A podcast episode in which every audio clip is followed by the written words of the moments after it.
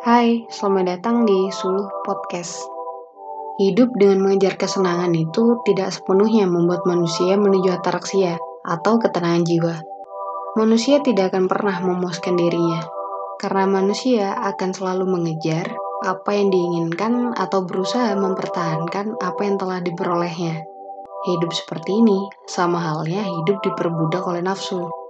Zeno, seorang filsuf yang termasuk dalam pemikir Helenistik, mengajarkan bahwa lebih baik manusia menggunakan nalarnya untuk menyadari bahwa segala sesuatu itu tidak kekal. Tapi bagaimana dengan kehidupan masyarakat modern saat ini yang bergantung pada teknologi dan budaya konsumerisme yang menyebabkan manusia mengeksploitasi alam secara berlebihan? Dalam episode kali ini kita akan membahas gagasan Zeno sebagai pendiri mazhab Stoikisme.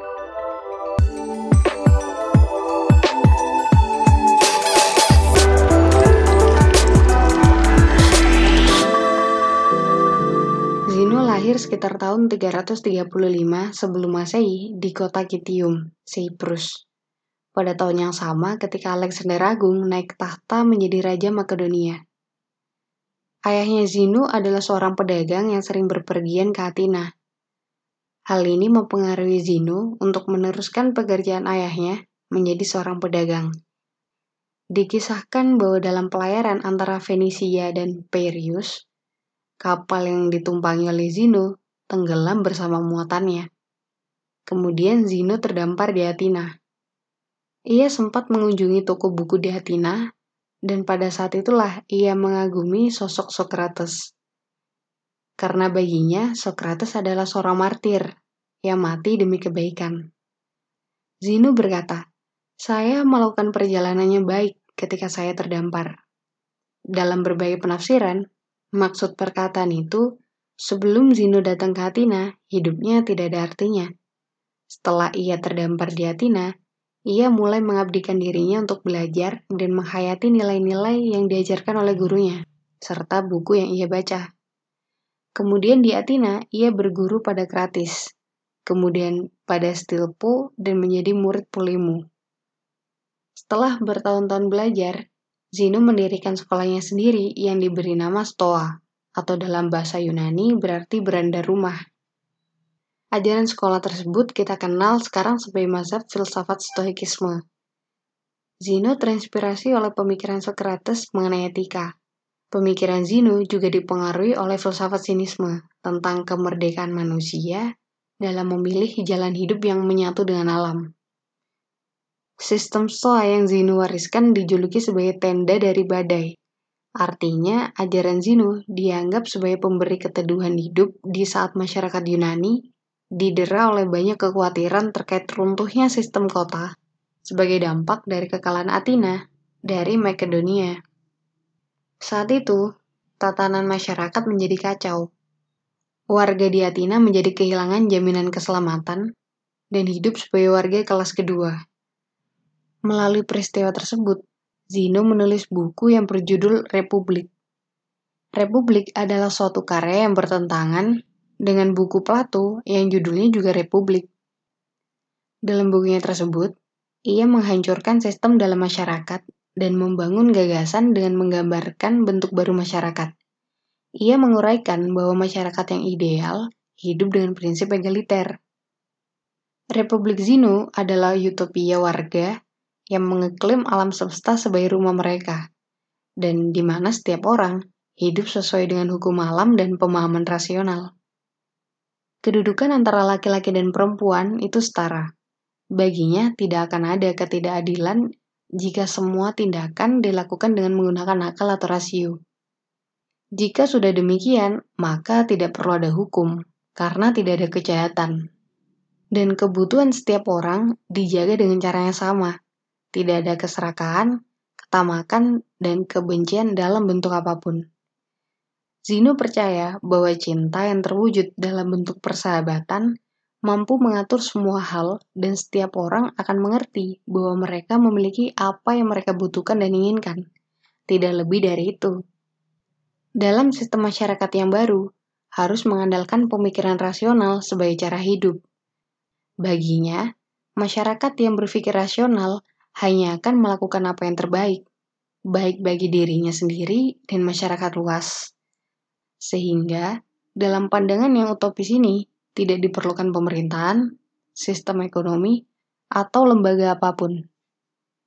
Pemikirannya yang radikal ini maksudnya untuk menggagas prinsip hidup menuju kebahagiaan dan kebaikan yang hanya dapat diukur dari kebajikan dan moralitas, bukan dari sistem pemerintahan. Penekanan ajaran stoikisme berfokus pada moral. Ia menolak akan sesuatu yang baik, kecuali keadaan jiwa yang bajik. Kebajikan berarti kebijaksanaan. Orang bijak itu sepenuhnya baik dan segala sesuatu yang dilakukannya adalah hal baik pula. Kebijaksanaan membentuk kebajikan yang mencakup pemahaman tentang alam. Singkatnya, tujuan orang bijak adalah hidup sesuai dengan alam. Zeno meyakini bahwa manusia memiliki kunci kebahagiaan sejati di dalam dirinya. Ajaran stoikisme mendasarkan kehidupan manusia pada alam dan sang ilahi sebagai acuan tindakan manusia. Kedudukan sosial dianggap tidak penting, orang miskin atau raja dapat berjuang untuk mencapai tujuan stoa. Orang bijak yang sejati sadar akan hukum-hukum alam dan mengikutinya secara sadar. Penderitaan dan kemalangan individu harus dimasukkan ke dalam kebaikan yang lebih besar dan lebih penting. Tujuan utamanya adalah menuju apatheia, artinya keadaan di mana seseorang benar-benar tidak peduli pada semua hal kecuali pemahamannya pada diri sendiri tentang berbagai hal. Jalan menuju kebajikan tidaklah mudah. Diperlukan disiplin yang kuat dan kontrol yang ketat atas perasaan dan reaksi manusia, seperti kesenangan, nafsu, kecemasan, dan ketakutan. Zeno sangat dipuji oleh orang Atina karena kesederhanaannya. Ia menjalankan apa yang ia ajarkan secara konsisten, Tampaknya Zino tidak pernah menjadi orang yang menahan lidahnya ketika ia melihat apa yang dianggapnya sebagai kebodohan. Banyak ucapannya yang terdengar mirip dengan pernyataan Diogenes dari Sinopi, namun tidak seperti Diogenes yang dijuluki Socrates yang gila, karena ia dihormati. Zino menjalani hidupnya secara tradisional dan prinsipnya tersebut dihargai oleh masyarakat. Di Atina, Zino terkenal sebagai orang yang berkelas tinggi, Padahal ia tidak terlahir sebagai orang Atina. Ini menjadi hal yang luar biasa. Zino dianggap orang yang menikmati hal-hal sederhana namun mahal. Ia selalu minum sedikit anggur dan makan roti hanya dengan madu segar. Dan ia sering ditemukan sedang bersantai sambil memakan buah arah hijau yang baru dipetik. Dalam konteks ini, Zino mendayagunakan akalnya untuk menikmati hal-hal terbaik yang disediakan oleh alam. Bagi Zino, sebagian besar masyarakat Atina menderita karena mereka menginginkan apa yang tidak mereka miliki, atau takut kehilangan apa yang mereka cintai. Hidup dengan mengejar kesenangan itu tidak sepenuhnya membuat manusia menuju ataraksia, sebab manusia tidak akan pernah memuaskan dirinya manusia akan selalu mengejar apa yang diinginkan atau berusaha mempertahankan apa yang telah diperolehnya. Daripada hidup untuk mengejar kesenangan, lebih baik manusia menggunakan otaknya untuk bernalar dan melakukan refleksi bahwa segala sesuatu itu tidak kekal dan tidak akan langgeng. Ketika seseorang sudah memahami hal ini, maka ia akan mencapai keadaan apatis, artinya akan terbebas dari perbudakan nafsu. Ajaran Zeno begitu populer bagi orang Yunani dan Romawi. Sebab ajaran-ajaran Zeno dapat menjernihkan pikiran dan memungkinkan seseorang untuk melihat melampaui apa yang ia pikirkan untuk mengenali apa yang ia butuhkan. Jika seseorang telah memiliki kesadaran diri, maka ia akan menyadarkan orang lain. Zeno menyadari bahwa kesederhanaan adalah kepuasan sejati. Jika manusia hidup hanya untuk mengejar kesenangan sebagai tujuan hidup, maka tidak lebih dari seekor binatang. Untuk menjadi manusia sejati, maka harus berperilaku sesuai dengan pemikiran yang rasional. Manusia menaklukkan dunia dengan menaklukkan dirinya sendiri. Penting untuk menjunjung tinggi nilai apatheia. Dengan mengendalikan emosi dan keinginan fisik, maka seseorang dapat menjadi bijaksana. Berlatih stoik berarti berlatih untuk menekan nafsu, dengan mengembangkan ketidakpedulian terhadap rasa sakit dan kesenangan melalui meditasi. Tapi pada kehidupan modern yang begitu kompleks, mampukah manusia hidup menyatu dengan alam dan mengontrol nafsunya agar tidak terjatuh pada keserakan? Mampukah manusia modern saat ini menjalankan kehidupan ala stoik yang diajarkan oleh Zeno? Ciri kehidupan manusia modern bergantung pada teknologi, dan tidak sedikit dalam proses pembuatan teknologi atau proses untuk mendukung berjalannya teknologi. Misalnya, kita melihatnya sejak awal terjadinya revolusi industri pada tahun 1712, Thomas Newcomen seorang tukang pandai besi di Inggris menemukan mesin uap dan penggunaan batu bara dalam skala industri yang membuka jalan terjadinya peristiwa bersejarah itu. Setiap tahun jumlah penduduk bumi terus meningkat. Terlebih persaingan pasar global yang semakin membuat manusia menjadi kompetitif. Tak sedikit yang berujung serakah dengan penggunaan alam. Apalagi jika penguasaan sumber daya alam hanya dinikmati atau dikuasai oleh segelintir orang saja. Tentu akan banyak orang yang merugi, bukan? Kecanggihan teknologi mendorong eksplorasi sumber daya alam dengan cepat dan efisien. Misalnya, dulu memotong pohon menggunakan gergaji. Itu cukup memakan waktu yang lama. Sekarang lebih cepat dengan adanya gergaji listrik. Proses produksi semakin efisien, bukan? Kehidupan manusia modern akan pemenuhan keinginan dan kebutuhan juga semakin kompleks. Karena budaya konsumtif dan mengutamakan gaya hidup, muncul eksplorasi sumber daya alam yang tidak terlalu urgen. Maksudnya, jika tidak terpenuhi pun juga tidak berpengaruh secara signifikan pada kehidupan manusia. Misalnya, penambangan emas, berlian, mutiara untuk dijadikan perhiasan. Hal ini mencerminkan bahwa manusia sudah melewati batas dan mengeksplorasi sumber daya alam lebih dari apa yang dibutuhkan.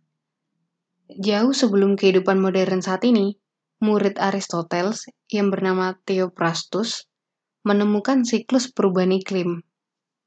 Ia melakukan penelitian yang menghasilkan spekulasi bahwa hutan yang gundul dapat mengakibatkan suhu bumi meningkat karena curah hujan yang semakin menurun. Kemudian pada era industri, Svante Arrhenius menemukan bahwa hasil pembakaran batu bara dapat meningkatkan jumlah karbon dioksida di udara. Pada tahun 1997, istilah pemanasan global mulai dipopulerkan oleh Wallace Smith Broker. Ia berpendapat bahwa hasil pembakaran fosil dapat menghancurkan bumi secara perlahan. Mungkin tidak sedikit dari kita yang mengenal Stephen Hawking, seorang fisikawan yang pernah memprediksi hancurnya kehidupan manusia. Awalnya, ia memprediksi kehancuran kehidupan manusia akan terjadi dalam kurun waktu 10.000 tahun lagi. Lalu ia meralatnya menjadi 1000 tahun ke depan. Dan yang terakhir kali ia ralat sebelum kematiannya, kepunahan akan terjadi dalam waktu 100 tahun lagi. Dijelaskan dalam The Guardian, Stephen Hawking menyatakan bahwa sejumlah teknologi manusia menjadi bumerang yang akan menghancurkan planetnya sendiri. Ia mengatakan bahwa manusia harus mempererat persatuan dan kerjasama untuk menghadapi tantangan lingkungan yang tak biasa, seperti perubahan iklim, produksi pangan, kelebihan populasi, penipisan jumlah spesies baik hewan atau tumbuhan, penyakit epidemik, hingga pengasaman samudra. Dalam film dokumenter BBC yang ditayangkan pada tahun 2017, Stephen Hawking menyarankan agar manusia perlu menjadi spesies multiplanet agar tetap bisa bertahan dalam abad berikutnya. Atau singkatnya, manusia harus mencari planet lain agar bisa tetap bertahan hidup dalam abad berikutnya. Alhasil banyak bermunculan wacana membentuk koloni manusia di planet lain seperti Mars.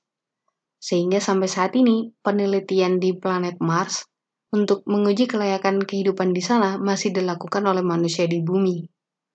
Scott Solomon, ahli biologi evolusioner, dalam presentasinya di TEDx pada Januari 2018 lalu, ia mengatakan bahwa Mars memiliki gravitasi yang lebih rendah daripada bumi. Sehingga tingginya tingkat radiasi di Mars membuat manusia akan mengalami perubahan. Salah satunya yaitu perubahan dalam gen manusia yang akan membuat tulang-tulang manusia semakin kuat dan pandangannya semakin terbatas. Keserakaan manusia yang menyebabkan terjadinya krisis iklim menandakan bahwa manusia tidak bisa bertindak secara bijaksana dalam memanfaatkan alam. Manusia masih hidup diperbudak dengan nafsu dan mengesampingkan rasionalitasnya. Manusia terlalu fokus untuk memuaskan kepentingan dirinya sendiri. Jika manusia selalu abai dengan lingkungannya dan terus-menerus mengeksploitasi sumber daya alam, maka akan menjadi bumerang bagi kehidupan manusia, seperti apa yang dikatakan oleh Stephen Hawking. Contohnya seperti temuan OECD yang meneliti isu ketersediaan, kualitas, akses, dan sanitasi air yang memprediksi dari tahun 2000 hingga 2050, krisis iklim menyebabkan kebutuhan air akan meningkat sekitar 55%. Artinya, pada abad selanjutnya, kebutuhan air akan sama pentingnya dengan kebutuhan minyak bumi yang semakin menipis saat ini kita harus mulai bijaksana untuk sekarang dalam menggunakan sumber daya alam. Seperti apa yang dikatakan Zino, bahwa tujuan manusia hidup adalah hidup sesuai dengan alam. Artinya memanfaatkan apa yang sudah disediakan oleh alam secukupnya dan tidak berlebihan. Apalagi memanfaatkannya dengan hasrat keserakahan. Manusia dapat menaklukkan dunia dengan menaklukkan dirinya sendiri menaklukkan segala nafsu dan emosi yang menyebabkan keserakan dan ketamakan adalah kunci. Sebelum bijak dalam bertindak, bijaklah dalam berpikir. Salam.